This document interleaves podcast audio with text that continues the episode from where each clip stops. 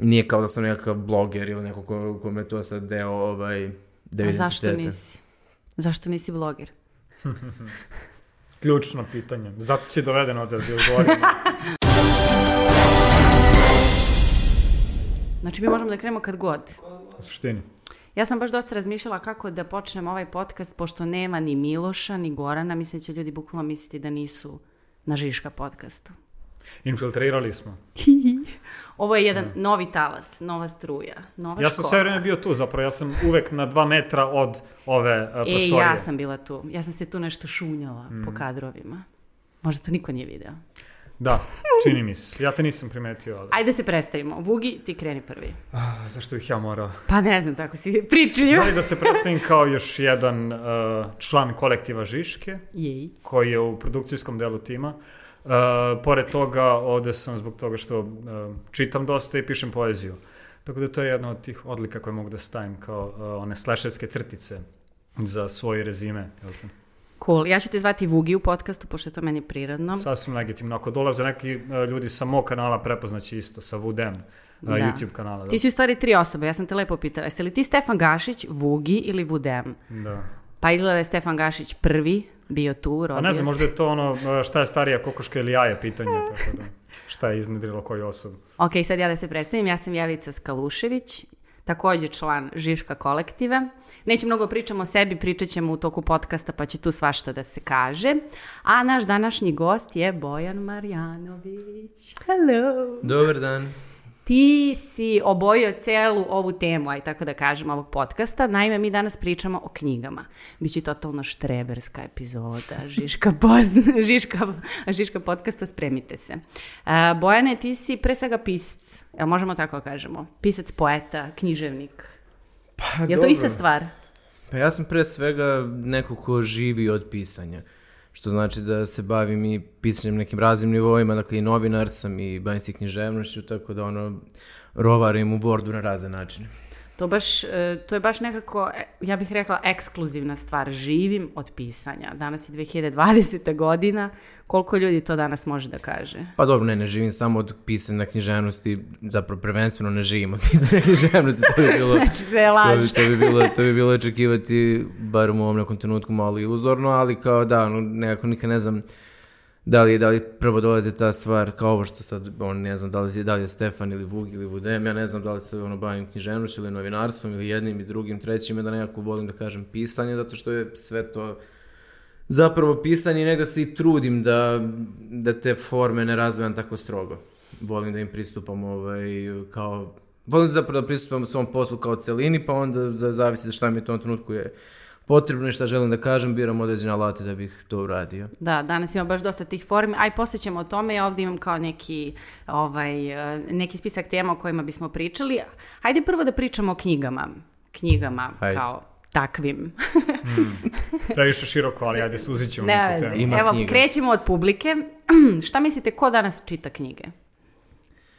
Uf, teško pitanje. Ostavit ću Bojana. Ja da sam pripremala samo teška pitanja da znate, A, znači da, danas, ono, nema, nema lakih, bukvalno. Rekli su mi da je baš super ova Pa pazi, mislim da baš uh, svi danas čitaju i ja mislim da čak postoji statistika koja pokazuje da u ovom trenutku se mnogo više knjiga uh, prodaje i Pričamo o čita. fizički, fizički isprintanoj knjizi, ča- da. znači, da. Be, ako sagledamo još neku širu sliku i o, elektronsku formu, to je isto još veća brojka, ali čak i kad je u pitanju a, štampana knjiga, što je zaista fascinantna činjenica kad se uzme u obzir a, mogućnosti kao što su tableti, Kindle, telefoni Da. koji sada daju vam prostor da, da čitate i da sve imate nadohvat ruke kao hiljade knjiga na jednom mestu, ljudi i dalje vole k- da osete a, fizičku knjigu u rukama. Šta ima tu? Zašto, zašto se ljudi hvataju za knjige?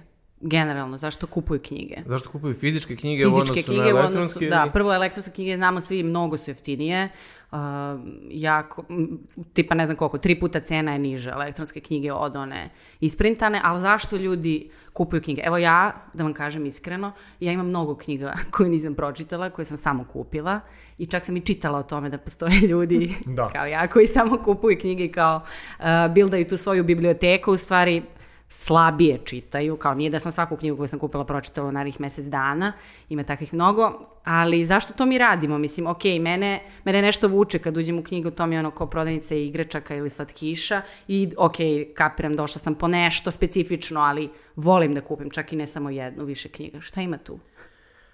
Pa mislim da ima bar nekoliko nivoa ovaj, kao, kako, se, kako se može odgovoriti na to pitanje. S jedne strane postoji i neka navika, mm -hmm. kao jednostavno ljudi su ono kao socijalizovani tako da je knjiga predmet od papira koji možeš da listaš, možda zavrćeš uši, sadjaš bookmarkere i to i nekako ja prvi Iskreno da budem sa vama, nisam zapravo uopšte ne čitam elektronske knjige, eventualno ako moram, neko mi nešto pošalje PDF-u što ne mogu da Dobre. nabavim ovaj, kao ovde kod nas u našim knjižarama ili u biblioteci, tako da ono čitam iznimno, iznimno redko ovaj, kao knjige koje nisu. Čak i vrlo često, od onih sam idiota koji kad dobije knjigu PDF od kopirnicu isprinta je i onda ode da je čita. Ovaj. Nekako mi je to, nisam se navikao na tu stvar, iako uopšte nemam nekam načela negativan stav, samo nije, nije, nije neka moja stvar. Uh, Znači, Ali ima i moram da te prekinem, da. znaš ono, ja sam imala jedno vrijeme naviku, dobijem knjigu, pa nešto moram da je vratim i onda odem fotokopiram, užasno puno, pa, puknem pare, znači mislim da je tako, te kopije platim ono tipa 1200 dinara, knjiga košta 700, ne, ja, nebitno, ali čak i ta kopija mi nije, nije mi, čak i ako dvostrano ja, ja, isprintam. Ja imam dosta, imam dosta Baš kuće to to. kopiranih recimo ono zadnjih 30, 50, 40, 60 strana neke knjige, jer moram da je vratim ili e, biblioteku ili nekome, ali ostalo mi još 30 strana i onda koji, tako imam kuće bukvalno tu neku kolekciju Čekaj, iskopiranih završetaka knjiga. Završetak, to je baš weird. Da, to je dobro. Šta se desilo? Da, neki ne, nego, da, ne, nego, čekaj, neko ko hoće da pročita tu knjigu, da, bukvalno ne može, ne može čak čovek od tebe ni da pozajmi. Pa ne možeš, da, jebi ga, to, to, to ne znam što sam podelio sa vama, imam još drugih bizarnih stvari kod kuće, neću o tome. Ovaj. okay. Podsjeća me sad, Ali... mala digresija Aha. na uh, jednu britansku seriju Black Books. Uh, glavni lik, uh, on radi u knjižari, to jest uh, Uh, radi sa ljudima, a mizantrop je i mhm. alkoholičar i onda kada mu dolaze uh, ljudi koji žele da kupe neke knjige uvijek se ponaša po, pomalo zlokobno prema njima i tipa jedna knjiga je koštala 3 funte, a lik koji je hteo da kupi on je imao 2,5 i kao hteo da se cenka sa njim i on je rekao ok, može i uzeo je njegove 2,5 funte i onda je uzeo i valjda je uh, iscepao poslednjih 40 stranica i rekao kada imaš onih 50 centi dođi ponovo kao da... My god. To je ono kao kad uh, dobiješ recept od komšnice koja ti namerno kaže tri kašike više brašna da ti ne uspe. Šta, šta? Ni, nisam se susreo sa tim još. Evo ja, na jesam, ja ti kažem, nemaš pojma koji je to frust. ok. Mogu Uh, dobro, uh, kako onda knjiga opstaje pored toliko besplatnog sadržaja? Realno mi danas možemo da potrošimo 2-3 sata dnevno gledajući YouTube, kao ovi naši gledalci sad, na primjer, da. se, uh, listujući Instagram, Facebook, ok, čak i čitajući neke blogove, jel da, imamo pisce koji pišu i na Instagramu i na Facebooku, pitaću vas posle to, gdje radije pišete, ali št, kako onda knjiga koju, znači, moraš da kupiš, moraš da se iscimaš, odeš fizički do knjižare, antikvarnice, gde god, i kupiš to. I onda čitaš. Pa pazi, mislim, opstaje, ali to je objektivno mali broj ljudi, mislim, ono kao koji čita knjige. Ja sam pre neko večer Ali nije. 65% ljudi čita 65% ljudi na svetu čita fizičke knjige odštampane. Čita fizičke knjige, da, on će ti reći ja čitam fizičke knjige na papiru, ali koliko je to zaista knjiga godišnje. Mislim, ono kao, Dobro. Da, da, li je to, za, da li je to neki ono čitalac koji sada... Postoji kao neka statistika, Amerikanci, prosječni Amerikanac čita najmanje četiri knjige godišnje. Pa to je smešno malo. To je malo, da. To je, mislim, zapravo lupam, nije smešno malo, svako čita koliko god želi, ali smešno je malo iz perspektive ljudi koji... A šta bi, bio, šta bi bilo važne. optimalno? Pa, otkud ja znam šta bi bilo. Dobro, šta je bolje, za tebe optimalno? Ne, Imaš ti neki bolje, svoj broj? Bolje pročitati četiri dobre knjige nego 58 loših, mislim, ne znam. Ono, e, to stvarno, mi je ali, jedno pitanje. Ali, Dobar. ali, ovaj, ali mislim da ni nakon preko nisu knjige, znaš, nije to trka na 100 metara, pa da sad postoje neke jasne brojke, šta je optimum, šta je zlatna medalja, šta je srebrna, šta je bronzana.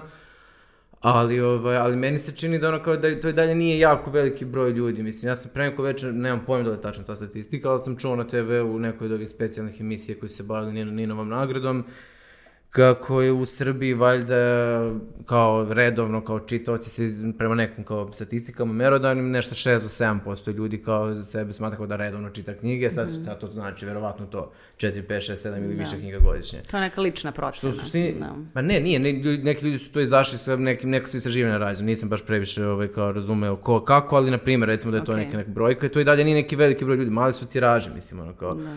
uglavnom, naravno, neke knjige se prodaju u velikim tiražima, ali glavnom i ti, kažemo, veliki tiraž, to je nekih ono, hiljadu, dve, pet hiljada najviše, ako i dalje govorimo o nečemu što je kao dobra književnost, nije nekako Mhm. ovaj, mislim, ne želim da sad uvodim te neke distinkcije, da me neko shvati onako malo kao nekog elitistu, ali da, taj postoji ta neka malo laganija, drugačija književnost koja se verovatno štampa u većem Ne, ne, ja ću imati broju- pitanja šta su loše knjige, tako da broju pripremim se.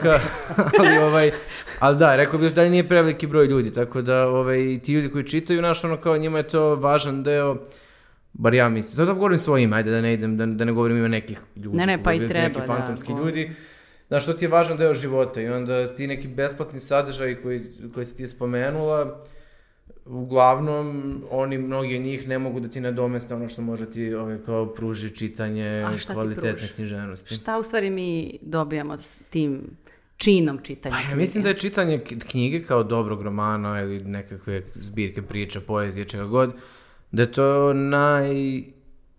Pa za mene to je zapravo najčistiji vid postojanja, iskreno. Ja, ja, ja, ja, ja Posta- ne, postojanja kao čoveka. kao čoveka, da, mislim da ni, ni ono, to je to toliko jedan intiman i sveobuhvatan čin, kad čitaš dobar roman, jer, je, jer on zaista govori on, uvek nekako, to je neki prostor u kome možeš, i sad ja ako citiram na pamet, ali neki su to pametni ljudi mene već govorili, a to je prostor koji možeš da vežbaš život. Vrlo je kao, kao neko, neko bezbedno igralište života. Kao Da. razne stvari koje bi u životu probala, ne bi probala, koje misliš ili ne misliš, ono kao dobar književni tekst je prostor u kome možeš da možeš to da provežbaš. I u tom smislu, mislim, meni to nezamenjiva stvar. Naravno, i druge umetnosti ti to pružaju na neki drugačiji način, imaju drugim jezikom ti se obraćaju, ali za mene intimno je ono kao čitanje knjiga, ono kao redko kad se osjećam tako živim kao kad čitam knjigu. To je, mislim, skoro je to negde ovaj, Damir Karakaš, ovaj, hrvatski pisac, ima jednu tu super rečenicu, kaže kada ono, kao zamislim čoveka ušuškanog pod dekicom sa dobrom knjigom, za mene je to najviši oblik postojanja. Da, I ja da. se nekako u suštini, ma kako to zvučalo kao onako ha, romantično, bla bla bla, ja se u suštini duboko slažem s tim. S tim što naravno ne mislim da je to nekakva normativna stvar, da bi sad ono za tebe ili tebe ili bilo koga stotog to trebalo da bude to isto. Za mene jeste, ali za nekog drugog je ško zna šta drugo. Bugi ti? Šta je to za Zanimljivo tebe? što je Bojan pomenuo kao čit, čitanje kao igralište, jer ja baš pisao sam sada igram slučaja, a, mislim već neko vreme sam radio na tom tekstu koji je za Žiška blog i koji se baš a, bavi čitanjem kao stvaranjem, kao krađom, kao igrom. I onda sam povezao to čitanje kao jedan vid igre, nadovezujući se na ono što je a, Schiller govorio o igri, da je zapravo u samoj igri čovek postaje čovek, da je on ono što je rekao još uh, Hojzinga, uh, homo ludens, kao živo, biće koje se igra i da u tom prostoru igre dolazi do onoga što je suštinski ljudsko, kao poništavaju se neke ono suprotnosti koje se eh, nalaze u samom čoveku, tako da slažem se sa tim delom. A Da se vratim samo na ono što si ti pomenjala za kao fizičku knjigu, mislim da je to opet da su ljudi kolekcionari po prirodi, da vole da skladište stvari, nešto što im je očigledno. Dakle, imaš fizički prisutnu stvar koju ređaš na određeno mesto, možda postoji čak i po određenom redosledu. Ja, na primjer, ne volim niko da mi dira police sa knjigama i znaće ako je neko pomerio određenu knjigu sa određenog mesta, ali sam vremenom naučio da prevaziđem to, jer kao studirao sam književnost i onda u tom periodu sam baš kupovao dosta knjiga. To je bila ta manijakalna potreba da, da imam jednostavno sve što želim da pročitam, što sam čitao ili što, što mislim da će mi biti potrebno u nekom trenutku.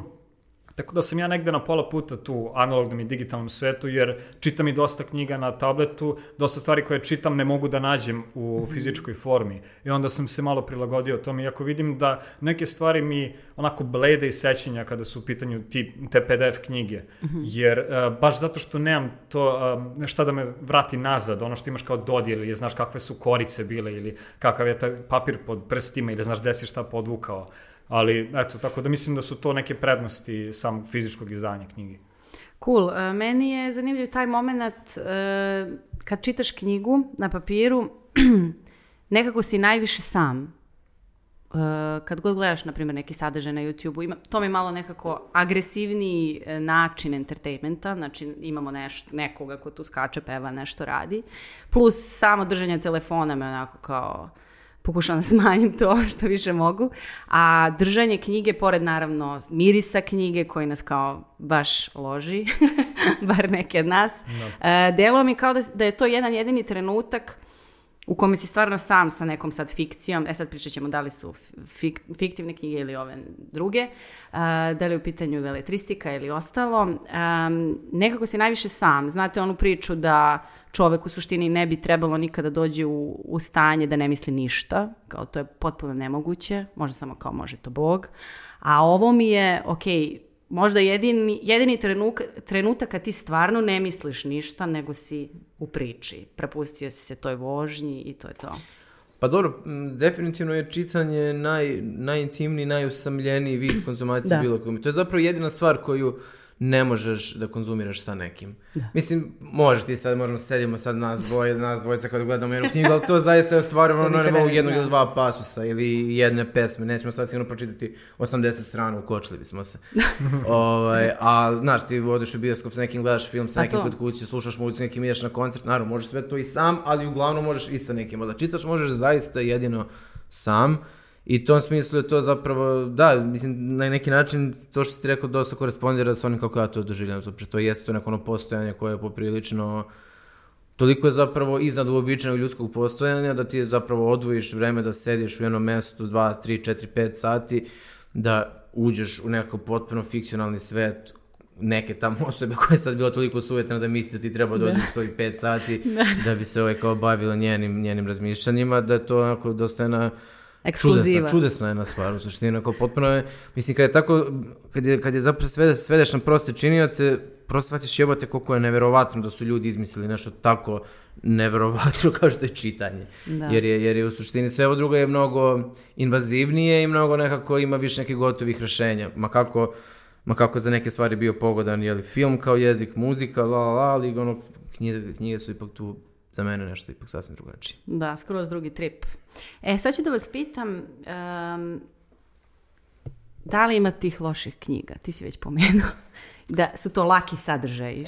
Pa ne, ja ne volim da pričam o tome, ne mislim, zato što me užasno me smara ta nekakva, razumeš? Dobro, evo mogu da zakomplikujem. Da li ima možda. loših knjiga u klasičnoj književnosti? Pa, pa mislim, to je, pa ima, mislim, ono, siguran sam da ima zato što kanon se formira na raznim nekim nivoima. On je ono, uvek posledice nekih društvenih okolnosti političkih okolnosti. Neke snije koje su ostale prepoznate danas kao klasici su u nekom trenutku ostale zato što su bile podobne ili šta god. Mislim, mm. što postoji mnogo stvari koje su, naravno, nisam, nisam ni od onih koji misli da treba ono kao tih nekih ono kao potpunih relativizatora koji misli da sad sve treba razumeš relativizovati, sav mm. kanon je samo ono stvar nekakve nečije ovaj, samovolje da li će ući ili mm -hmm. neće, nije. Neke knjige koje su kanonu su naprosto tu s nekim razlogom jer su stvarno jako dobre. Ovaj, ali da, ima svaka knjiga koje u klasičnoj književnosti koje meni nisu, nisu bile zanimljive. Ali što se tiče loših knjiga, mislim, uopšte, znaš, ono kao... E, sa jedne strane ne volim da to ne, ne volim da pričam o tome zato što uvek se postavim u neku situaciju da ja sad sudim mm -hmm. nečijem ukusu, nečije onako želji da provede Dobro, slobodno vreme i to knjige? mislim da je to bez veze da se sad ja mislim ko sam ja da ja dođem ako kažem to što ti čitaš je sranje mislim Dobro, ali, je to bez veze. Svi imamo mišljenje. Ali okay. ali mislim ali mislim da s druge strane ne mislim ni da je stvar potpuno relativna, mislim da ono kao knjig, književni tekst nije tek neka stvar kao neko voli jedno, neko voli drugo, pa sad neko voli nemam pojma, Joyce-a ili Virginia Woolf ili Thomasa Mana, neko voli nekako sad bullshit književnost, ne znam nija koju i to je sad kao isto jer kao svako ima svoj ukus. Mislim, jeste u nekom najljudskim smislu svako ima pravo da svoje da. popodne od 5 do 7 provede čitajući šta god hoće i niko nema pravo da mu zbog toga soli pamet. Ali postoje određeni, naravno, način kako možeš klasifikovati uh, književna dela. Mislim, ne bi postala ona nauka o književnosti da, da te stvari ne možeš da, da racionalno analiziraš i zašto neke delo uspeli, a neko manje uspelo. Da. Tako da pos, za mene postoje loše knjige. Apsolutno mislim da je to i među Ma samo što ne volim da vršim tu ono istragu kao ono loše, loših knjiga i loših pide. Ne mislim da sad ono kao, mislim da je potpuno zamena teza da sada je zato što postoje, nemam pojma, to neka 50 nijansi sive, zbog tog bestsellera sada ne, može, ne mogu dođu da izražaja neke druge knjige koje mislimo da su dobre. Ne mislim da te stvari tako funkcionišu. Jednostavno nije to nista publika, nije to nisti polje i ono, ne, neće sad neka, neće nijena knjiga koja je sad uh, izašla u javnost istisnuti neku dobru. Ne vjerujem da to ta vrsta da. ovaj, kao ovaj, takmičenja tog Nadmetanja, tipa. da. Mislim Ugi... da je tu poenta da. i baš zato što ponuda i potražnja su uvek u, u nekoj sponi. Dakle, ako postoje ljudi koji žele da čitaju takvu književnost, onda će, onda će se pisati. To jest, ljudi će vidjeti da postoji uh, mogućnost da oni ulože malo truda da bi napisali nešto znajući da uhvate te neke parametre na koje se ljudi kače i lože i da znaju jednostavno da mogu da zarade pare, jer to opet jeste jedna velika industrija kada se pogleda. Jel umeš ti nekako da izbegneš te loše knjige? Uh, pa pazi, Koji je pa, tvoj da, sistem? mislim, ja, sam, ja smatram, tu mogu da napravim podelu kao objektivno i subjektivno a, prosuđivanje knjige Mhm. i ja mogu da kažem, na primer, Virginia Woolf jeste objektivno a, dobra spisateljica, ali njen senzibilitet meni ne odgovara, sa Mhm. druge strane rekao bih da Joyce meni više odgovara, odnosno na nju ako već govorimo o tom nekom periodu a, modernizma i pisaca a, u, koji su pisali u tom trenutku, određenom stilu, a, ali isto tako za druge stvari, za druge pise, pesnike pogotovo, ja smatram da mogu da kažem objektivno gledano nešto je dobro ili loše, pogotovo poezija koja se danas piše, jer ja imam vrlo specifičan ukus, pogotovo kad je poezija u pitanju i onda zaista malo stvari mi se svidi, ali opet kod onoga što mi se ne svidi, ja mogu da razlučim to na te dve kategorije, dakle, nešto mi se ne sviđa, ali je objektivno dobro i vidim kvalitet u tome, jednostavno ima i ukus, a onda dosta drugih stvari, veći deo tih stvari je kao objektivno gledano loše. Da. Mislim, drugačije se piše i poezija, ali to je sada pitanje da li je Sterija sa svojim kritikama bio zapravo validan, ne, kako, na koji način su oni komentarisali tada, zato što uh, oni jesu bili kao ajde da kažem, u neku ruku vrsni kritičari, vrlo uticajni, ali su imali nekako uh, drugačije specifične poglede na, na određene autore, gde kada pogledamo koliko su oni mržnji imali prema određenim autorima, kao pitaš se šta stoji iza svega toga. Da, dobro, de, veliki faktor je definitivno kultura, vreme kad se, kad se priča o tome. E, shodno A tome... nije samo kulturno vreme, mislim, to je, imaš što bi je rekao onda? Česlav Miloš književnost je nadmetanje grbavaca. Mislim, ono kao, ma, malo, mislim, ja ono kao, već neko izvesno vreme se krećem i šunjam tom književnom scenom, što kao novinar, što kao pisac, što kao organizator nekih ono književnih večeri, festivala, ovoga, onoga. I nigde na belom svetu nisam upoznao toliku količinu raznorodno sujetnih ljudi kao na književnoj da? sceni. Tako da, znaš, uvek to treba udati sa zrnom soli, razumeš, ono kao, Da. zbog čega, ko, koga, razumeš, ovaj ko tu ganja, napada, tako da sve su to naravno, sve to deo nekog ono kao književne dinamike. Na kraju krajeva meni je to iz, kao, na neki način mi je zabavno, pogotovo kada gledaš sa neke istorijske distancije, kad nisi uključen per, personalno u te stvari, I čak ne, možda su neke književne kritike napisane iz potpuno niskih pobuda mm. ili uopšte polemike, kako god, iz potpuno niskih pobuda, ali neko ko piše opet toliko vrsan pisac da je on to napisao dobro. Tako da, Da. je ono, to uvek nekako zanimljivo za čitanje, bar meni. E, da vas pitam, kad je, kad je ta neka, uh, pomenuli smo klasičnu književnost, ja sam imala jednom situaciju, dvoje, troje ljudi mi je reklo, čitala sam nekog klasika, recimo Dickensa, i oni su mi rekli, ma ja ne mogu da čitam dela koja su nastala pre 100 godina, kao što ne razumem, kao što ja to sad imam da čitam. Pa ono, kako, ne mogu uopšte s tim da se konektujem, ne mogu ništa s tim, ne mogu, ne, apsolutno, kao ništa od toga ne mogu da izvuku, ja naravno ne mislim tako. Šta vi mislite o tome? Mislim, kako ljudi danas konzumiraju takvu vrstu književnosti, ili ajde da kažem staru književnost. Pa zna ne, mislim da su to samo predrasude, kao niko nije zaista uzeo da čita, jer postoje neke univerzalne ljudske vrednosti koje se proče kroz sve te likove i oni mogu da se sagledaju sa te strane, kao da postoje uh, određene osobine koje oni imaju sa kojima mi danas možemo, bez obzira što je to napisano pre 100, 200, 1000 godina, ja znam, na primjer, koliko sam ja mogu da se poistovetim sa nekim uh, pesmama koje su pisali uh, rimski pesnici, recimo Katuli, njegove ljubavne pesme su Da. i danas vrsne, da, i danas su moderne i pogotovo što su još zvučne, zadržale su i senzibilitet i modernost u nekom smislu. Tako da mislim da je to samo do autora i načina koji on uspeva da prenese te ljudske vrednosti koje se u suštini ne menjaju. Kao ne možemo mi da, promen, da odemo od onoga što zaista... Dobro, ja se baš ne bih sasvim složio sa tim, zato što s jedne strane si naravno u pravu, ali opet je potrebna određena vrsta čitalačke koncentracije i određena vrsta čitalačke, kako bih rekao, kondicije, da bi ušao u tekst koji je danas jednostavno manje prohodan iz raznih nekih razloga. Jednostavno, menjali, Da, su da. se, menjali su se nekakvi ono kao obrasci pisanja. S druge strane, ja baš, ne znam, baš paralelno sad sam čitao Knausgora, koji je kao ono, par excellence trenutno književna zvezda, savremena, i, i Flaubera, koji je to kao klasik. I sada, s jedne strane, ove kao, ne, jednom drugom uživaš na jedan potpuno kao, ili, donekli sličan, donekli drugačiji način, ali zaista neke stvari su posredovane, posredovane kulturom. Ono, kao dok s jedne strane čitaš Knausgora, to je tvoj savremenik s kojim deliš određene iskustva, poglede na svet i tebi je to ipak malo lakše ulaziš u to na taj način, čitaš Flaubera, I sad on je, za, on je tragično zaljubljen u tu ženu i to se sad ono kao na 250 strana dok, došli, dok smo došli do prvog zagrljaja. Oh my god. 70 strana dok smo došli do prvog rukovanja. Second. Znaš, tako, da, tako, da, tako da stvarno je malo ono kao, nek, mislim sad se malo karikiram i zezam, naravno da knjiga je fantastična i ja sam ono, prokutao sam ju nekoliko dana, znači nije stvar tome da to je dosadno. Ali stvar je u tome da neke stvari jesu posredovane u raznim kulturnim obrazcima koje mi hteli ne hteli oblikuju naš ono, pogled na sve. Tako da za, za ljude koji nemaju tu vrstu ni koncentracije, ni želje da se postane kontekstu, mogu da razume zašto bi nešto bilo pisano pre 200, 300, 400 milijardu godina, bilo manje, manje prohodno, nego nešto da jednostavno zbog kulturnog koda prepoznaje više stvari, da. ono kao bliže mu je. Tako da nije, nije to Da, nešto što da. je, što je, što je, nije to neki nerazuman argument, opet sa druge strane naravno, ko želi da se posveti stvarima i ko ima malo više ono kao ovaj, kako bih rekao, to, čitalačkog staža u dupetu, sedeo i čitao, on će moći, čini mi se, da se snađe sa, i da izvuče nešto jako važno iz teksta dobrog, iz makove epohe da dolazi. Ali kažem ti, ako neko čita 3-4 knjige godišnje, potpuno mi jasno zašto nijedno te 3-4 knjige godišnje ne dolazi iz, ne znam, ono kao renesansa. E, jeste imali neku knjigu um, za kojom ste onako manično nešto tragali, hteli da je kupite, da je nađete u fizičkom izdanju ili ste čuli nešto o njoj pa nikako da je nađete? Neka knjiga koja vas na neki način promenila, malo izula iz cipela. Pa to su neko sad dva pitanja, da li postoje knjige koje su me izuli iz cipele ili knjige koje sam manično tražio, neko nije Ajde izula iz cipela prvo. Pa postoje ih stotine. Stotine. Mislim, stvarno mnogo knjiga. Mislim, u raznim periodima života su me razne knjige izuvale Hajde jednu. iz. Sad za ovaj podcast. Pa znaš kako, mislim, kad sam, kad sam, ono, ja često se setim, recimo, kao koliko mi je bilo važno kad sam bio klinac, e, ja sam, znači, 99. e, kad je bilo bombardovanje, ja sam tad imao 9 godina, i, ovaj, ono, kao, nije se išlo u školu, bio sam, ono, kao, mi smo imali neku srećnu okolnost, pošto ja sam iz Užica, da nije bilo sad mnogo nekih, ono, kao, ratnih zbivanja, tako da je to manje više funkcionisalo kao nekakav, kad si dete, kao neki, ono, spolja tenzično, ali u suštini je kao to Raspust. produženi raspust.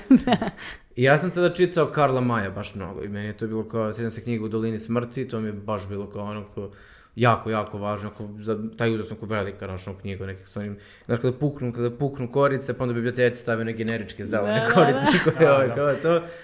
I to sam čitao, upijao i baš mi je bilo kao neverovatno uzbudljivo. I to je tad sam, ja sam nekako poprilično odrastao na lektiri onoga što su čitali naše ono kao matorci, kao, kao klinci, jer sam nekako prihvatao tu vrstu ono, sugestije od, od svojih, pa sam to kao klinac čitao, ne znam, Branka Ćopića, Marka Tvena, Karla Maja, Žela Verna, takve stvari su mi bile Strava. jako važne.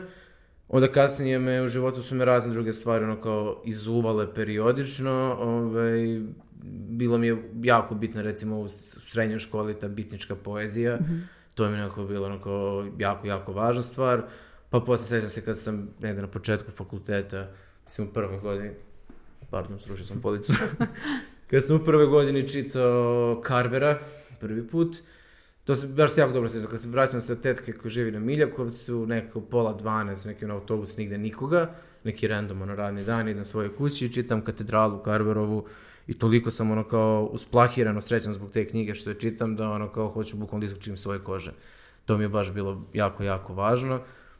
I sad svašta se još posle, mislim, ono kao dešavalo samo, ono, da sam, volao sam jako i Selingerovu knjigu za Esme. Znači, ono, Lovac u žitu je super, važan generacijski roman, ali mi je ta njegova zbirka priča bila mnogo, mnogo bolja. Joyceovi Dublinci, isto to je, znači, celo ta ovaj, ta mi je generalno, ta ono kao ovaj, poetika kratke priče bila, bila puno važna. I tako, mislim, ono, mislim, svake godine se pojavi, prošle godine se pojavilo nekoliko knjiga, ono kao 2019. ću pamtiti po, ne znam, ima Georgi Gospodinov fenomenalan roman koji zove Fizika tuge, Jonathan Latem Tvrđava samoće, i šta sam još čitao prošle godine, bilo jako, da, Nevidljivi sati, David Mitchell, na primjer, te tri knjige su mi prošle godine potpuno razvalile, Cool. tako, Fizika tuge, Ostavit ćemo Tvrđava preporuke. da. samoće i Nevidljivi sati, tako mi je bilo prethodna godina, ali ovaj, da, to je to. Ovaj, Ti, Vugi, pamtiš neke naslove? Uh, pa da, mada sad mi onako sve maglovito jer dosta dugo nisam čitao uh, nisam čitao fikciju baš. Mislim, čitam poeziju i dalje aktivno, ali recimo neka od knjiga sad kad se vraćam nazad back in the days u osnovnu školu koja mi je bila baš onako uh, upečatljiva, to je trilogija u pitanju od uh, Filipa Pullmana, njegova mračna tkanja. Uh, to je u suštini uh, svrstao bih je negde u fantastiku, ali autor je onako teški ateista i onda je to znalo da uzdrma kao moj pogled na svet. To je bilo uh, za taj period karakteristično. Inače, baš pre par meseci je izašla ova serija koja je na HBO-u. Mm -hmm. BBC u, u saradnji sa HBO-om je napravio prvu sezonu uh, po, po knjizi. Dakle, prva knjiga se zove uh, Zlatni kompas, odnosno Severna svetlost, kako je, mm -hmm. kada. Tako da napravili su eto seriju koja je zainteresovan, može da baci pogled, ja nisam ispratio u celosti, iako bih teo eventualno čisto da se vratim nostalgično da. nazad. Posle toga u srednjoj Uh, nisam, nisam tada ja baš nešto bitnike gotivije, više sam bio ono Baudelaire tip, Baudelaire Miljković u tom periodu i posle, uh, možda u trećoj, četvrtoj godini znam da me baš onako grčevito uhvatila ova uh, uh, Tomasa Mana, uh, Dr. Faustus mm -hmm. i mhm. pisao sam neki uh, rad uh, na takmičenju za, ono, bila je neka sekcija van, van škole, pa sam pisao i onda kao teorija muzike, pa onda sam bacio tu još nešto što sam mogao. Uh, bilo, je, bilo je baš inspirativno, zato što to me povuklo napred kad tome da upišem uh, sam, same studije književnosti, svetske književnosti zapravo, to je famozna opšta. Da. uh, I onda kako je to krenulo posle, malo sam možda i vremenom izgubio uh, ljubav prema fikciji, valjda to kako ide sa studijama, ali sad se ponovo vraćam nazad. Vrati se, vrati. Ja se sjećam da je mene Faulkner, Buka i Bes baš onako uzdrmao, to mi je preporučila profesorka srpskog i bilo je kao, Jelice, ok, lektira, čitaj ti ovo što drugi čitaj, pročitaj Faulknera, ja kao, ok, šta, roman toka svesti, what's this, i onda prvi deset strana, ništa, ne razumem, samo reči, reči, reči. Baš me promenilo, ono, otprilike pročitala sam knjigu za jedno veče do tri ujutru, kao, nikad mi se to ranije ni desilo, ovo kasnije na studijama, što sam morala da čitam do tada. Tako da, i Jean-Paul Sartre, posle njegove drame, to me onako baš nekako odvelo na neku drugu stranu. Dobro, cool. Šta danas ljudi mnogo pišu? Sad ćemo malo pričamo o pisanju. Pošto se vas dvojice pisci, ja nisam pisac, ja pišem skroz random stvari kao što su kopije za postove, kampanje i slično. Ja pišem random stvari, sam izađu u knjizi posle. Da, da, da. random. E, ali danas je definitivno realnost da ljudi pišu, moraju da pišu, žele da pišu, ako su, društ... ako su prisutni na društvenim mrežama, svakako pišu da bi bili tu. Uh, Um, kako se vama to čini? Ka, kako vi pišete? Kako konzumirate? Ti, Bojane, dosta pišeš na Facebooku. imaš, imaš onako dugačke objave na volu. Ja sam simor čovjek. ne, samo mi, samo mi ispričaj kako, kako to kod tebi ide, koliko ti je to ono važno, koliko, šta, ima, šta ima u tom pisanju po društvenim mrežama, za razliku od ovog pisanja. Pa znaš kako, mislim, ono i važno je i nije važno, mislim, nije se nekakva najvažnija stvar na svetu, ali verovatno mi ono kao negde ispunjava neku ovaj, kao funkciju u životu čim se bavim time. Mislim, bavim time, ni ne be, sad da me niko ne sati pogrešno, ne pišem ja po društvenim mrežama sad nekako, ne znam kako planirano i sad kao, hm, danas tebe imam objavu u 15 časova, čebim danas da pišem. Ne, ne, nije tako, ali ne, nije, nije, kad to, posmatraš to je... ljude, neki pa... se mnogo teže, znaš, neki ljudi prosto, evo ja na primjer, baš teško napišem nešto na Facebooku u smislu kao neku svoju intimnu stvar ili komentar na nešto što se dešava. Pa da, ne pišem ja intimne stvari, ono u smislu nije, nije, nije Facebook moj dnevnik. S druge strane, svako ko se bavi pisanjem, mislim, nešto ga vuče. Pa ne, sad ću da rizikujem da malo uopštim neke stvari, ali ja negdje duboko verujem da svako ko se bavi pisanjem, pa da nikad u životu nije ništa striktno autobiografski ubacio bilo koji svoj tekst, je na vrst egzibicionista, jer ti naprosto stavljaš na papir, odnosno na, papir, kako zvučao kao da stojim sa perom ispred kamina, uh, mislim stavljaš na kao, jeli, na, na ekran, izlivaš svoje nekakve misli, oblikuješ ih i imaš tu suludu misel da neko to treba da čita. Znači ti okay. jesi neka vrsta egzibicionista. Mislim, Dobro, to, jel ti znače lajkovi, tako... komentari? Pa mislim, Kako ti gledaš na to? Pa mislim, uvek voliš da vidiš da je ljudima nešto zanimljivo, to što pir nije sad kao presudno bitno, ali ove kao bude za, bude, mislim, zavisi, mislim, kako rekao, ja kada vrlo redko na svom Facebooku objavim nekad, ima neku kraći tekst, kad sam neka, ne znam, poezija, neka kratka, sasvim kratka priča, to objavim ponekad kao status, tam je tam je recimo posebno zanimljivo da može neko mm, prokomentariše, ispratim to, ali ako napišem neku dnevnu stvar, tipa neku ono, zezanciju 3, 4, 5, 6 rečenica koje se, ne znam, ono, odnosi na ručak koji sam upravo pojeo, onda mi nije previše bitno sada kako će ljudi reagovati, yes. ali opet, I to jeste neka vrsta, ajde, nazovi primenjene književnosti, zato što okay. i tu, barem ja, vodim, primetio sam da je to neko jedna stvar koju ne mogu da pobegnem, da nekako vodim računa o formi, da ono, kao Mhm. svaki put kada sedneš da, kad se, nebitno da li su sad to tri rečenice ili, ili tri strane ili 300 strana, ako, ako vodiš računa o formi, ako nešto, ako nešto prolazi kroz taj proces uobličavanja, Mhm. koji onda postaje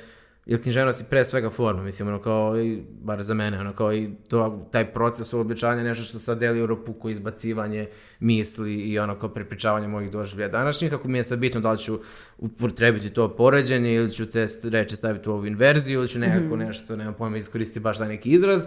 To znači da koliko god to bio primitivan, usputan i drevni, ali to je opet neki proces uobličenja teksta.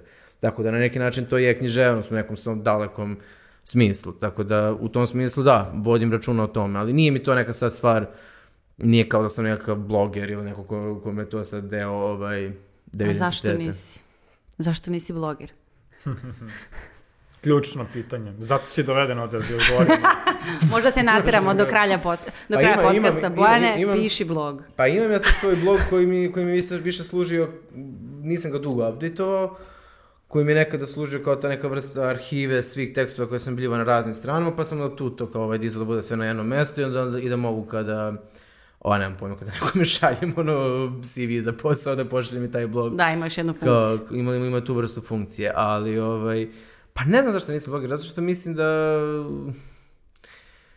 Ma, malo sam konzervativan, Šta iskreno. je, malo a čekaj, čekaj, sam šta je i Facebook mislim da je- post, šta je Facebook post, raspisani recimo, ne znam koliko karaktera, blog, pesma ili na kraju roman? Čemu je razlika? Gde, da, gde, gde ste tu? Vugi, ovo sve isto važi za tebe. Hmm. Mislim, možeš ti prvi da odgovoriš, nisam te pitala da li ti uopšte imaš te neke raspise. Ja nisam primetila na Facebooku, Instagramu nemaš. ili da. Dobro, ti imaš svoj neki drugi, ajde da kažem, imaš YouTube, radiš vide, imaš i taj neki drugi totalno vizualni Da, da. aspekt. Ne moramo sad o tome, ali šta je za tebe onda pisanje tog nekog statusa, a s druge strane pisanje pesme? Pa konkretna razlika je u tome da li ti kačeš nešto što je native za tu platformu, da li sa namerom da pišeš na Facebooku, ono, sedneš i pišeš status, ili je to, na primjer, pesma koju već imam negde pa želim da podelim sa ljudima, dakle, što nije baš pisano konkretno za Facebook. To je prva, naj, možda i najveća, najbitnija razlika, zato što to je prilagođavanje nekog eh, sadržaja medijuma koji nije prilagođen možda ovom. Dakle, samo Ok. je pitanje da li će ljudi koji su moja publika, odnosno prijatelji ili pratioci na Instagramu, eh, da li, će, da li oni žele taj sadržaj, da li im je gotivan ili ne. Ti Ništa nemaš drugo. tu potrebu da objavljaš pesme ili delove Pa pesama. ne, nekada ili da. možda, ali opet pitam se, možda, možda je to više nešto što ja želim sebi da opravdam kao ok, napisao sam nešto, Mhm. pa da mi ne stoji lebdeće, nego već da negde konkretno je objavljeno i ljudi Da. su videli,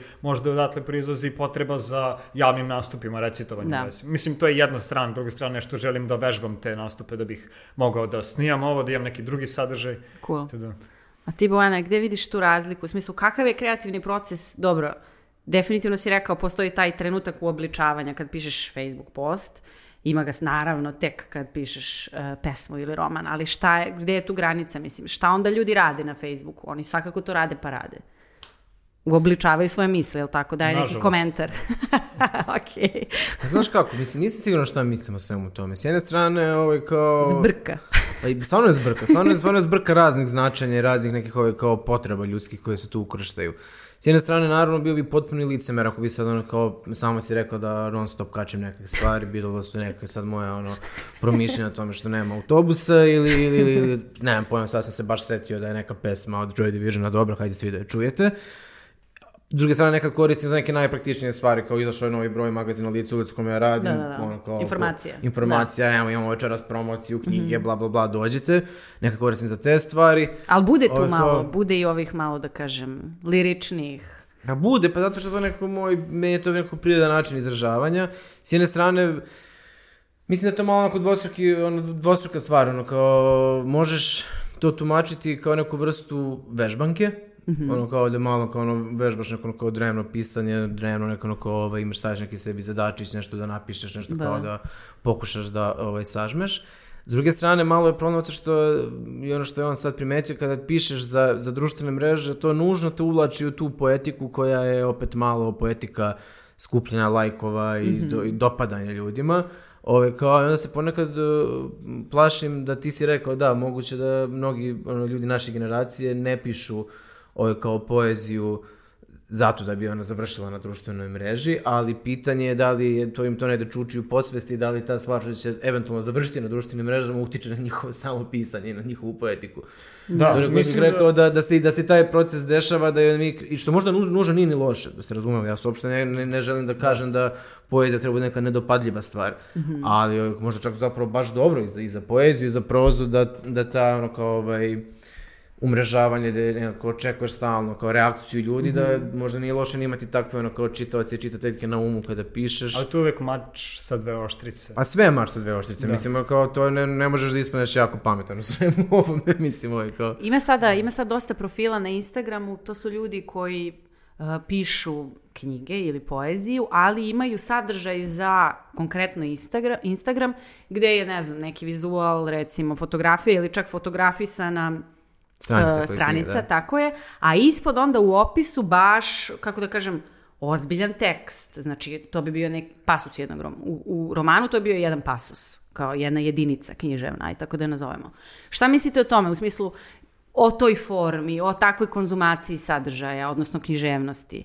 Da li je to onda samo nova forma? Da... Pa Znaš kako, ja, ja to ne doživljam kao... Mislim, s jedne strane mislim da je to jako dobro. U smislu, uh, super je da su nam te neke platforme dostupne, da možemo da stvari koje radimo pod znacima navoda reklamiramo, Ok. jer jednostavno kao mnogim ljudima, mislim da je to pogot- pogotovo uticalo recimo na neku pesničku scenu danas, jer je naprosto poeziju lakše predstaviti vizuelno i postaviti na društvene mreže nego što ćeš raditi sa romanom, malo je nezgodno sad izvući jer baš neki deo romana, mislim, može, ali teže.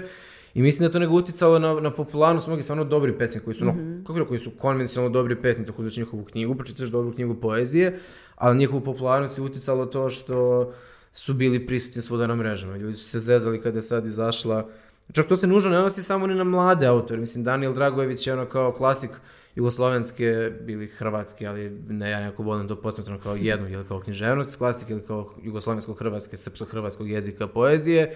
Ova njegova posljednja knjiga koja se zove, ako se ne varam, Kasno ljeto, Mislim da su ljudi toliko ma, ono, fotkali te stranice da na kraju je, mislim, čitava knjiga završila na društvenim mrežama. Vi, viralna knjiga. Ma ne, stvarno, ok. zaista kad se pojavila, ili, ili to možda stvar mog babla, da se razume, možda ovaj, kao je to samo stvar mog onog mehura od 1000-2000 ljudi u kojima se ja krećem, ali delovalo je kao da ljudi skupljaju sličice, razumiješ? Da, da, da. sa, ovaj, kao, za, kao da poznaje neki album sa sličicama koji da popuniš sa svim pesama Daniela Dragovića. To se dešava sa nekim raznim je drugim cool. pesnicima koji sad ono kao ja, kad god scrollujem ono kao društvene mreže, meni iskače neka poezija jer se krećem u tim nekim krugovima i za, i za mnoge sam stvarno pesnike i pesnikinje tako Tako otkrio, zapratio, jer- da. Znači jer popularizacija. sam književna, poezije. književna ono, infrastruktura je takva danas, mislim, ono kao, ljudi će se mnogo lakše i čini se efikasnije izreklamirati kroz te platforme nego kroz neke konvencionalne.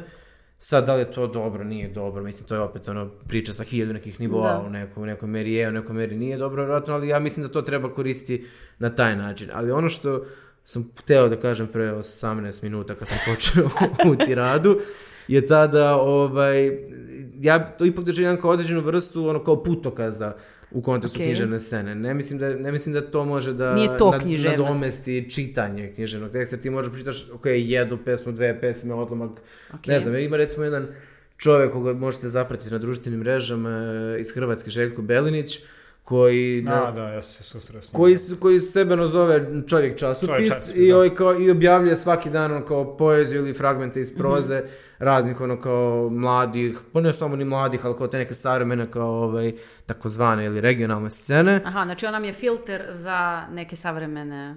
Pa ne, on, on, je, on je naprosto čovjek sebi dao tu, tu ulogu, Da, da istražuje scenu i da na svom Pravo. privatnom profilu koji je ono public, ono svima je otvoreno, kao kači ono kao neke razne ljude. Ja sam naravno tu se, se susretao sa nekim ljudima koji jako dobro poznajem, čitam godinama, pa mi je super kad pročitam neku njihovu pesmu ili odlomak iz proze, ali sam se susretao sa nekim ljudima koji nisam ranije imao pri... I onda se vremeno ta stvar razgranala da mu sad ljudi daju ono kao i pesmi iz rukopisa neobjavljenih, pa to bude neka sad i dvostruka kao ovaj najava šta god.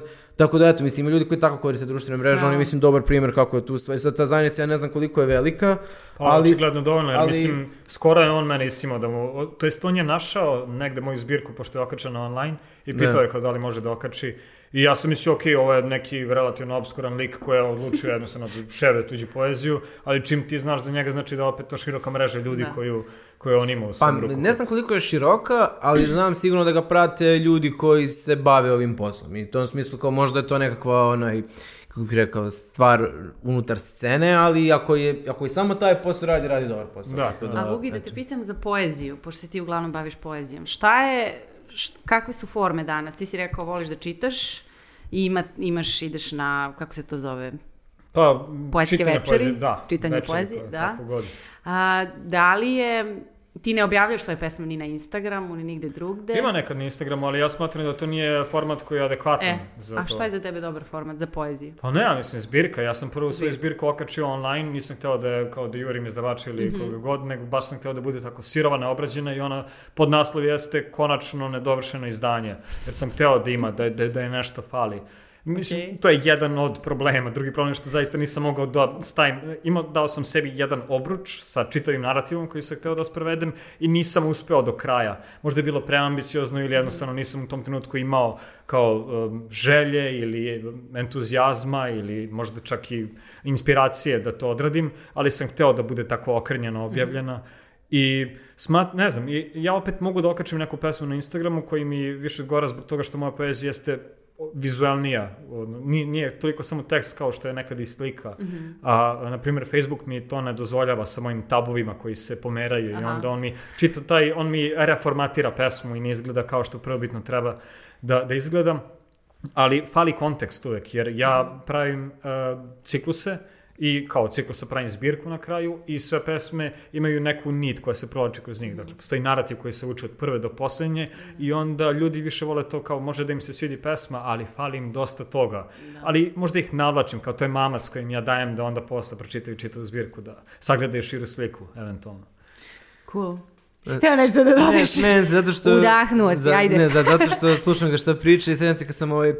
Kad sam ja radio svoju prvu knjigu pesama, kao, pa mi je i format knjige mi je bio nedostatan i onda sam knjigu položio, Okrenuo, okrenuo, da. zato što imam isto to sa nekim ono kao tabovima što kažeš, ono kao da je zapravo imaš kao deo pesme koji komunicira, ali su jedan je uvučen na levo, drugi uvučen na desnu stranu. I sada kad vidim tu knjigu koja je izgledala kao ono, to me zajebavaju neki prijatelji kao što si izdao kajdanku, notnu svesku, umjesto ono kao knjige, kad vidim to, I onda sam kao, zašto sam ono stvarno, mislim, ne kažem da ti treba to da radiš, samo ja sam sad izvrno sam kad bih radio reizdanje te knjige, Dobro, samo, evo, ja samo bih da uradio ono levo uvlačenje i rekao, Bojane, ne molim te Ne, se ne, bavati, evo, razumeš ono kao. Ja sam pročitala tu zbirku pesama, interesantno je kad dobiješ stvar u ruke, tu knjigu u ruke, kao ok, položeno, format, neko je nešto kao promislio, to tako Wow, treba, koncept. ali ja bih htjela dobro. te pitam zašto u toj, em, zašto u toj zbirci pesama nema ni jednog velikog slova? Pa, zato što, ne, ne sam na velikog slova, nema uopšte interpunkcije. A imaš velik- tamo neke tačke zareze, šanse, imaš tačke. Vrlo redko, vrlo redko. Mislim, Dobro, šta se desilo? Pa ne, zapravo pisao sam tako je bilo mi je konceptualno mi je bilo zanimljivo da je ono kao da se da se pravopis ne poštuje u tom smislu i nekako mi je čini mi se ritmički je bolje izgledalo ako nema tih vrsta ovaj kao veliko slovo ili znake interpunkcije koje nekako prelamaju koje u, poe, u poeziji služe, formatski. služe da, da bi obeležavali ritam, ono kao, tako meni nekako uglavnom odgovaralo da bude tako malo ovaj, kao furiozni, ovaj, Dobro. kao bez tih, bez tih stanki, tako da to je bio razlog. Ali iskreno, mislim, ono kao, mnoge stvari radiš intuitivno, bez nekog, sad ono kao, ljudi, Dubljeg ljudi dođu pa te to. pitaju da nisi možda, e, ti kao, pa ja sam pisao, nisam baš mnogo Ja sam mislio. pisao. Naravno, Kao, naravno. da, upravo to. Ne, naravno to da, da, da je tu postojala ta neka vrsta ideje, ali nije ona bila jako, nije tu bila sa neke ono promišljena ideja, ja sam imao sa neki vrlo jasan koncept, nego sam tad se igrao sa tim, bilo mi je zanimljivo da, ovaj, kao da tako oblikujem tekst. Ono, kao, mada nisam nešto mnogo toga odustao ni, ni kasnije, mislim. Sorry. Ne, u sledećoj knjizi pesama ima ponekad. Ima, poneko ima, ima poneko slovo. veliko slovo, desi se tu i tamo. A Desi da li se, da. promišljate o toj nekoj vašoj publici? Da li zamišljate nekog idealnog čitao, čitaoca vaših pesama i knjiga? Mm, Not really. Mislim, e, možda sam to ranije radio, ali bio sam dugo aktivan član jednog knjižnog društva Orfisti gde su ljudi okupljali i komentarisali su zapravo sve te stvari koje nije bilo klasično ono veče poezije ili proze, čitalo se svašta, nego ljudi upravo dođu sa namerom da čuju komentar ili Analize. da komentarišu. Da, dosta ljudi je to bilo sa filološkog fakulteta, studirali su ili srpsku književnost ili komparatistiku ili svetsku I onda kao ljudi koji valjda imaju nekog teorijskog znanja ili Mhm. misle da imaju, ali opet bilo je svakako zanimljivo i možeš da čuješ uh, uh, onako intuitivne uvide u poeziju iz nekog drugog ugla Mhm. i naravno svako stoji iza svog stava, može da promeni ili da ne promeni shodno tome. Ja uglavnom nisam menjao, ali sam uzimao to uvek, eh, zato što kao iza nekih stavova mogu da stojim i onda Ok. znam da ću iz- izgurati do kraja. Druge stvari za koje vidim da mogu kao objektivno gledano da mi poboljšaju pesmu, ja ću da ih primenim, tako da... Uh, Zaboravio sam uopšte šta je bilo pre. Idealni čitalac. Da ja sam zalutao previše, ali Da. posle, posle tog perioda jednostavno shvatio sam zašto pišem, kao meni to jeste neki vid, ako zvuči kao kliše, e, samo terapije. I onda Da. kao ja sam samo sebi idealan čitalac. Naravno, uvek može tuđi komentar ili kritika da te pogodi ili da te ono, uzdigne. Mhm. to, je ti, to su ti ego tripovi koje sv- svako ko piše ima, makar u nekoj meri. Ali e, ne jurim to uopšte, jer ja znam da je moja poezija poprilično onako hermetična, obskurna i da je ona za 1% ljudi koji čitaju poeziju, što je već 1% ljudi koji čitaju inače. Ne znam, ja znam da smo mi ovde u agenciji reagovali na tvoju poeziju. Valjda smo mi svi u, ušli u taj 1%. Da, da, to je bilo onako polarizujuće, ali da. imali, smo jedan, svakako. imali smo jedan ciklus uh, Vugijevih priča iz tramvaja. Da, da. Ja sam sačuvala četiri, iz nekog razloga si stao, a ja sam bukvalno imala u glavi, buk, napravit ću zbirku ovoga, samo nastavi, nastavi, ne znam šta se desilo. Bilo je stvarno interesantno. Bojane, ti, jel razmišljaš o svojoj publici? Pa, negde na nekom nivou verovatno da, ali ne, ne u nekom jako sad vulgarnom smislu da sad zamišljam ko konkretno moje knjige čitaju ljudi između 25 i 30 godina. Dobro, ne, mahom, nisam te ne znam, pitala za TG. Nisam baš, znaš, kao, na, ne, ne, ne na taj način. Pa šta znam, ima, ima, ima ona pesma Leonarda Cohena koju u tim njegovim ili kao poetskim radovima, znači ne, ne pesama koje, koje je pevao, da ću sad malo ću parafrazirati po sećanju, on mislim da kaže ovako neko, nisam se ubio kada su stvari krenule na gore, nisam se odao narkoticima ili šta već treće, nego sam ono kao sedeo i pisao ono što bi neko poput mene mogao čitati u ovoj besanoj noći. I to mi nekako... I to negde, Neko kao ti. Pa da, ti zapravo to. pišući to i mislim jedan od idealnih čitalaca jesi sam, mislim ti si istovremeno kao sebi i naprosto pišeš i čitaš to što si radio, to je naprosto kao dvostruki, dvostruki proces i na sam sebi jesi neka vrsta ono kao ovaj, merila. Ali su mi jako važni ovaj, postoji čitav niz ljudi kojima verujem, Da. kojima stvarno verujem ovaj, i kojima redovno šaljem svoje tekstove na, na čitanje. Oni dolaze iz najrazličitijih grupa, neki njih su ono kao to tekstualni profesionalci, bave se kao književnošću ili nekim drugim vidom pisanja. Drugi su neki meni bliski ljudi od koji očekam neku drugačiju vrstu ovaj, kao ovaj, reakcije i odgovora i onda nekako uvek se trudim da ono kao sklopim te neke njihove odgovore, ja mozaik, da napravim neku tu svoju kao jeli, privatnu fokus grupu, nemam Da, da, pojma da. kako meni ne, to mi je bilo jako, ja, jako bitno. Pogotovo, pogotovo mi je to bilo važno kad sam pisao roman, zato što je to jako, znaš, ono, stvar sa, sa pesmama, onako kako sam ih ja objavljivao recimo na blogu, znaš, ja napišem pesmu, neko je ona sa neko svoje radnoj verziju, izađe na blog, ljudi pročita, nekome se dopa, nekome se ne dopa, neko ti da savjet, neko uradi ovo, ti je vratiš pa je menjaš, to je neka uvijek neka stvar koja je ono kao tako funkcionisala. Roman kad sam radio, to je znaš, ono kao imaš 200 stranica teksta koje si ispisao ovaj, i koje si samo ti pročitao. Ono, kao, samo Da. si ti, bukvalno si na nekom trenutku se osjećaš kao potpuni ludak, ono, kao opseo si se fiktivnim svetom izmišljenih junaka iz svoje glave i sediš i pišeš i onda se osjećaš kao, ja znam, no, pri kraju rada na, na rukopisu sam ono, se osjećao kao potpuni šizofrenik, jer sam ono kao ujutru sam mislio ovo je najbolja stvar koju ikad iko napisao na svetu, šta sam uradio, koji sam ja car, onda uveče sam sedeo, samo što sam počeo grčem, ono, Ne, plačem, ja sam idiot, zašto sam ja ikada naučio slova, nije trebalo, trebalo da budem ono, ratar, ne da se bavim ovim.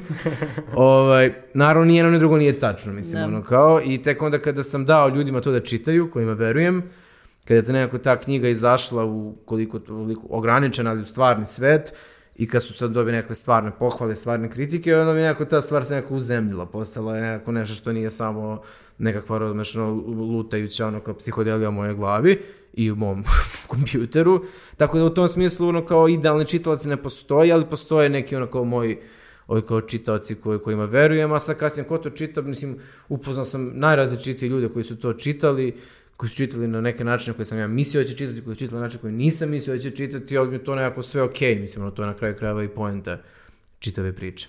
Cool. O čemu vas dvojica pišete? Oho, sad će sledi jedan muk. Što bre? uveče. Čekaj da bar pokažem, samo sekund. Ovo je ovaj tvoj roman koji si pomenuo. Sutra ćemo, šta ćemo sutra radimo? E, bože, e, e, Spavamo. ne, ne, ne. A, pa dobro, ajde samo kratko. Jesi ponosan? Ne, ne znam. Sad je veče, o ne, Sad je snimamo veče, uveče, da! Da smo, da smo jutro Ma ne, snimali, još kako bi bio E, ali podcast ne, ali- izlazi ujutro, tako da ono, Znači da se igram Pretvaraj jutro, se. pretvaraj se. Ovaj, pa, koje je bilo tvoje pitanje? Znači, O čemu pišemo? Pa da, generalno je pitanje o čemu pišete, hoću da kao prođemo tu neku opštu priču, šta su vaše teme, šta je vaša neka inspiracija. A dobro, onda sam te pitala o čemu je ovaj roman. Pa taj roman je u suštini... Pa mislim jedan ljubavni roman. U suštini je to jedan ljubavni roman, postoje neki troje likova, oni se nalaze u nekoj vrsti ljubavnog trougla, jedna veza, dva muška i jedan ženski lik koji ih spaja, jedna veza se čini se urušava, druga se možda uspostavlja, nije baš sasvim jasno da će se ovo rušiti, da će se ovo uspostaviti. i Ta neka Komplikovano, njihova- it's complicated, znaš da. ono, Facebook ta, ta, neka, status. ta, ta neka njihova... Evo, vratili su se na Facebook. Svi, putevi vode jeli na Facebook. Okej. Ali ovaj, to je neka sad njihova dinamika, tako da to je u suštini ono kao... Mislim, ono zapravo, moto tog romana je, ovaj, pr, jedan zapravo od moto tog romana je prva rečenica romana Hotel Eureka, baš ulica Eureka, pardon, ne Hotel, ulica Eureka, Roberta McLeama Wilsona, koji kaže sve priče su ljubavne priče, nekako, meni je to nekako bilo dosta, ovaj, dosta ovaj, blisko, dušno da drugi moto romana je citat Davida Fostera Wallace sve ljubavne priče su priče o duhovima. Tako da, ovaj, tako da negde, negde između, Okej. između, između ta dva citata negde zapravo lutaju moje, moje obsesije koje sam pokušao da pretočim u tu knjigu. Mene ono kao, da, u suštini me zanima kako se kompleksna ovaj, kao stvar kao što je život sa svim ili svojim kontekstima društvenim, političkim, kulturnim, ovakvim, onakvim, kako se to prelama kroz ono kao kroz intimnost, kroz intimne odnose. Nekako, to, to je nekako ono, ovaj, Pa to se dešava i u tvojim pesmama, u pa to stvari. se dešava mojim pesmama. da, to Krene je, sve iz tramvaja, s nekog šaltera, pa preko službenice i završi se o nedostajanju, o ljubavi i tako to. Ja, uvek dobro rekla. da, da, zapravo ono kao, to je digest svega, razumeš, krene, krene od čega god, razumeš, ono, od šaltera službenice Donalda Trumpa i završi se na Da. tome, aj, nedostaješ mi. da, pa da, možda, možda, možda je zapravo, ovaj, možda su sve moje te ono, tekste sam neka kao knjižane proteze da bih pričao da mi neko nedostaje. Ali da, u suštini to je to, mislim, to je nekako to stalno- stalno prelamanje ličnog i, i, i, i, ovaj, i javnog, odnosno privatnog i javnog u tom nekom kontekstu, ili kao ovaj, svet u kome živimo. Tako da, ono, ne znam, to je, mislim, ne, ne znam da ti bolje odgovorim od ovoga, uopšte Mislim ne da znam ovo kako strava. sam ti odgovorio, dovoljno ali... Ako neko bude hteo da čita Bojanovu knjigu, nek nam piše u komentarima. Nešto ćemo da sredimo. Ako vam, Šta? šta ćemo da sredimo, da možete svratiti u knjižaru Beopolis, ja uvijek volim da reklamiram svoju omiljenu knjižaru, tako knjižaru Tako. Beopolis, možete naći moju knjigu što je mnogo manje bitno, ali možete naći najbolje zapravo izbor knjiga u gradu, to je najbolja knjižara u gradu i šire, obavezno idite u Beopolis. Cool.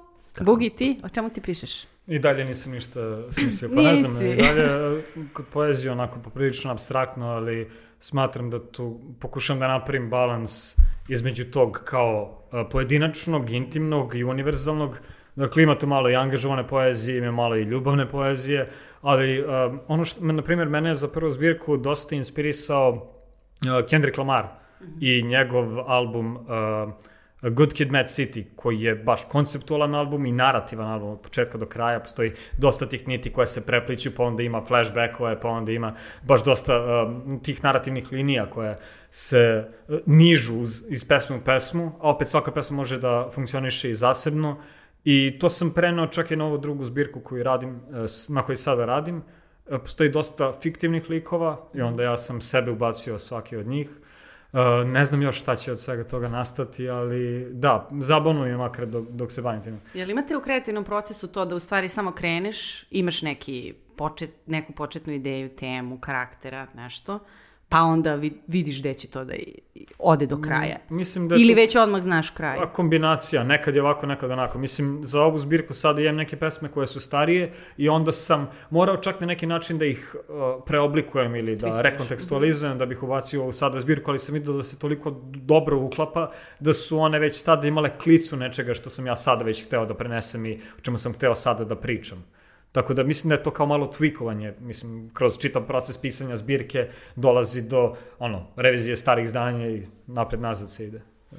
Cool. A kakvi ste sa čitanjem vaše poezije? He, he. Ovo smo pripremali. Šalim se. Ne, ja bih stvarno voljela da pročitate uh, po jednu pesmu.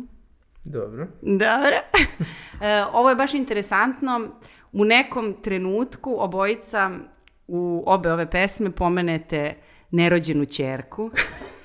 Meni ovo, apsolutno nemam pojma zašto sam izabrala ovo, samo mi je baš interesantno da u stvari se i gledaoci, a i mi ovde sad upoznamo ono ako jedan na jedan sirovo sa tim stihovima i da vidite u stvari koliko ste različiti. Ne znam da li ste čitali jedan drugog. Ne. Ne. ok, eto, eto. To bi bilo cool. Bojana, ćeš ti prvi. E, pa zapravo možeš ti prvi dok ja ono, pronađem, pošto imam ovdje neki puno papira, ako ti je okej. Aha, može jedan samo jedan. Nemoj, molim te da šuškaš tim papirima. Aha. Ja sam rigorozna kad je recitovanje u pitanju. se. Šalim se. E, čuo sam da si bilo dobro recitovanje Ja, školi, to tako? sam mu rekla pet minuta pre početka ovog podcasta. ok, da, da, jesam. Biće to, biće. Uh, ok, što se ove pesme tiče, mislim, tebi opet fali taj kontekst. Um, Meni ne fali, ja sam čitala, njemu fali. Fali kontekst na širem planu, kao, To da. Mhm. u, kao kad je u pitanju zbirka i zbog čega sam ja odabrao da napravim fiktivan lik čerke. Ok. Um, I to je upravo zato da bih imao taj neki odnos koji je poprilično uh, intiman, fragilan i onda baš da gledam kako bih mogao da preispitam to iznutra. Pa mi je delovalo zanimljivo. Naravno, mislim da je ovo sad ozbiljnije u odnosu na ono što će Bojan da nam pročita, makar na osnovu onog tvog malog Pa nema to spoilera. veze, da, da, da, ali nema. kontrast pravi, tako da...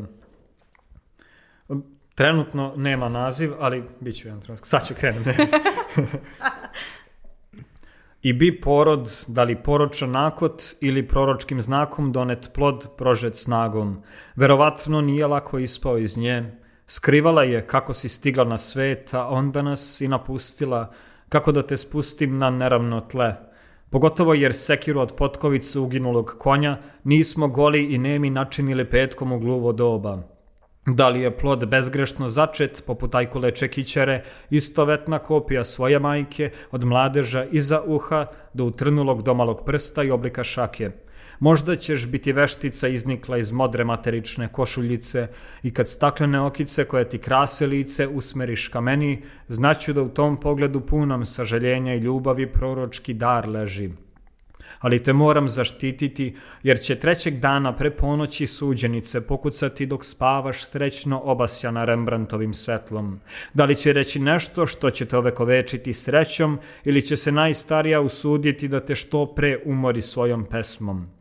Možda si u nekoj posve mirnoj noći, kad se odrazi visokih topola verno oslikavaju po vodi, tiho izletela iz moje usnule glave, u tom slučaju plašim se naše zaglušujuće tame. Spremne su sve amajlije, ako i mene zgrabe, od komadića tisovine u kolevci, ušivenih kosti u odeći i na kapicu prikačeno parče krtičje šape. Dotad slatko spavaj, moje malo mače, posljednji žig zaštite, poljubac na čelu od tate. Lično, čudan osjećaj. Jel čudan, da? Pravi ljudi, ali da. Neka. Strava, baš ti hvala. Ajmo, Bojane.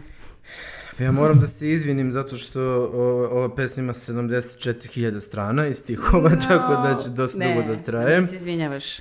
Ovaj, I nisam je jako dugo čitao. Ne, ne kao javno čitao, nego nisam je uopšte jako dugo čitao, tako da ni, Okej. iz, i meni je malo kao da je prvi put čitam, tako da Cool. ako nešto bude loše, nisam to ja, to neki tip pre 5, 6, 7 godina pisao. Znači, pesma se zove Patriarhalna nelagoda.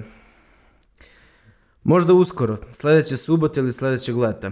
Možda tek za 10 godina neka devojka i ja odlučimo da gajimo njenu opađenu jajnu ćeliju, da ju ušuškamo konvencijom i da je vodimo kroz ono što mi zamislimo da bi ćelijin život trebalo da bude. I da se razumemo odmah, tu ćeliju ima da rodno diferenciram tako da se sve puši od plave boje za dečake i od roze za devojčice. Neću njen život koristiti kao vežbanku za presešavanje zanimljivih teorija. Ipak, bojim se. Ne znam šta da radim ako budem imao sina. Lako ću ako bude nežan, feminiziram, da ne kažem pederast, nije u redu, ipak mi je dete. Vodit ću ga na časove baleta, flertovat ću sa dugonogom balerinom učiteljicom dok budem plaćao mesečnu članarinu, ma flertovat ću i sa trapezolikim baletanom učiteljem, tek da klinac vidi da ni Čale nije iz 19. veka, uprkos tome što nekim starijim pesmama volao da se poigrava norma političke korektnosti. Lako ću ako sin bude pljunuti ja. Oblačit ću mu karirane košulje, minijaturne starke i Levic 501. Vodit ću ga na koncerte, kupovat ću mu hladne gazirane sokove, sladoled, pljeskavicu, picu i burek, učiti ga da skuplja sličice futbalera i dosađivati mu, kako, dosađivati mu pričama kako današnji igrači nisu ni prići iz Nedinu zidanu. Učinit ću ga u biblioteku, terati ga da čita Marka Tvena, Branka Ćopića i kaubojske romane. Ali šta da radim ako moj sin bude avanturista, ako bude ljubitelj ekstremnih sportova, ako bude želeo da gaji zmiju umesto psa, ako bude preskakao planine, ako bude umeo da leti, ako bude želeo da upozna istočnjačke borilačke veštine, tajne akupunture i sličnih joga, ako bude želeo da nauči teške vežbe da što krote gravitaciju i što ismejavaju sala na stomaku i život u ivičem betonom.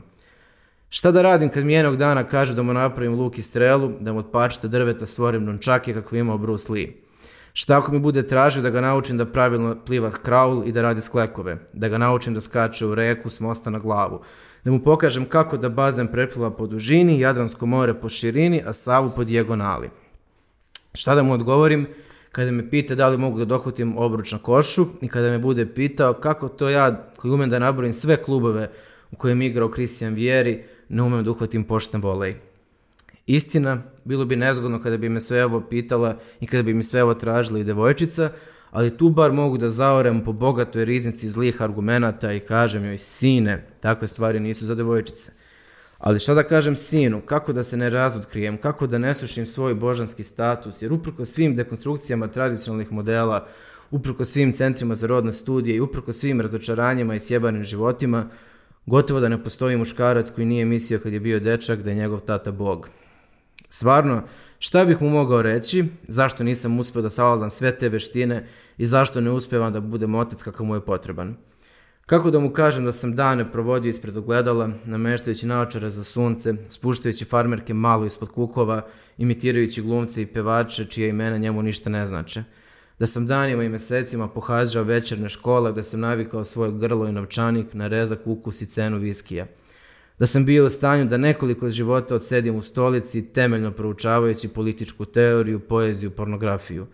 Da sam svirao u punk bendu sa čika ovim i čika onim, da je moje vreme već bilo ukinuto služanje vojnog roka, te da nisam mogao naučiti da pucam iz puške, da vezem komplikovane čvorove, postavljam šator i razne druge stvari njemu interesantne.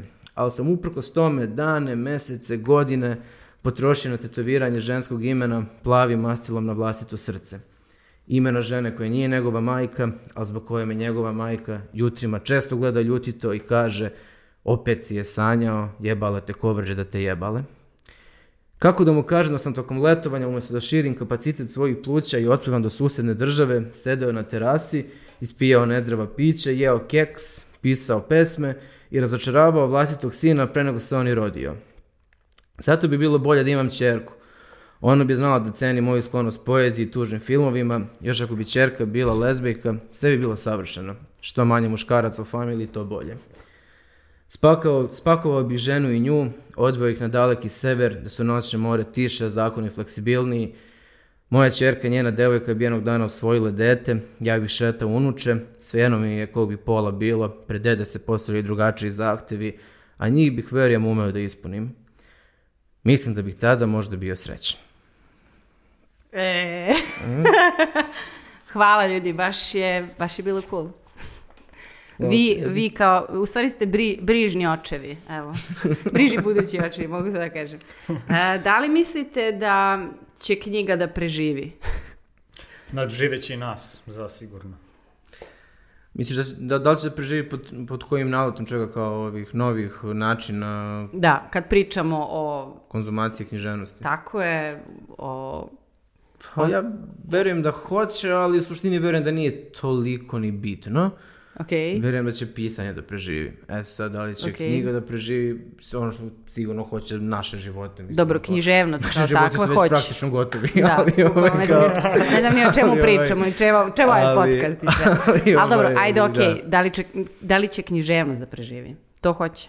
Ja vjerujem da hoće zato što je ono kao... To sam nekad dan u nekoj ono kao, ono kao teorijskoj knjizi pročitao da je kao, ono, ono sam zapravo, to je citat koji sam knjigi- knjizi našao, valjda Ryderda Kiplinga, nisam siguran, koji je rekao da je ono kao književnost nastala tako što je tamo neki drevni, pa sad izmisli ime Urg Hai, Menge Allah, nemam pojma, išao da ulovi neku ono divlju, sad već izumrelu životinju, onda se vratio i svojim prijateljima oko logorske vatre prepričavao kako izgleda taj susret sa životinjom, pomalo preterujući i menjajući to što se desilo i da onda u tom pomalom preterivanju i menjanju zapravo nastala književnost. Da je to u to nekom višku, to je zapravo književnost i ono kao verujem da će ona da opstane zato što je Kao i mi što smo preterali pa s ovim ne, zato, podcastom. zato što ako, ako, ako smo nešto, mi smo ljudi koji pričaju i slušaju Da. priče. Tako da ono kao književnost Prepri... Da, prepričavam. nema šanse da nestane. Top, Bugi, ti se slažeš. Moraš da se složiš. Naravno, ja sam rekao da će nas nadživjeti. Ja sad. Da. Hvala vam za ovo. Meni je baš bilo strava. Cool, verujem da ste uživali. Jesmo, baš je bilo lepo. Hvala ti puno. Srešćemo se opet, samo ću to da kažem. Krompir!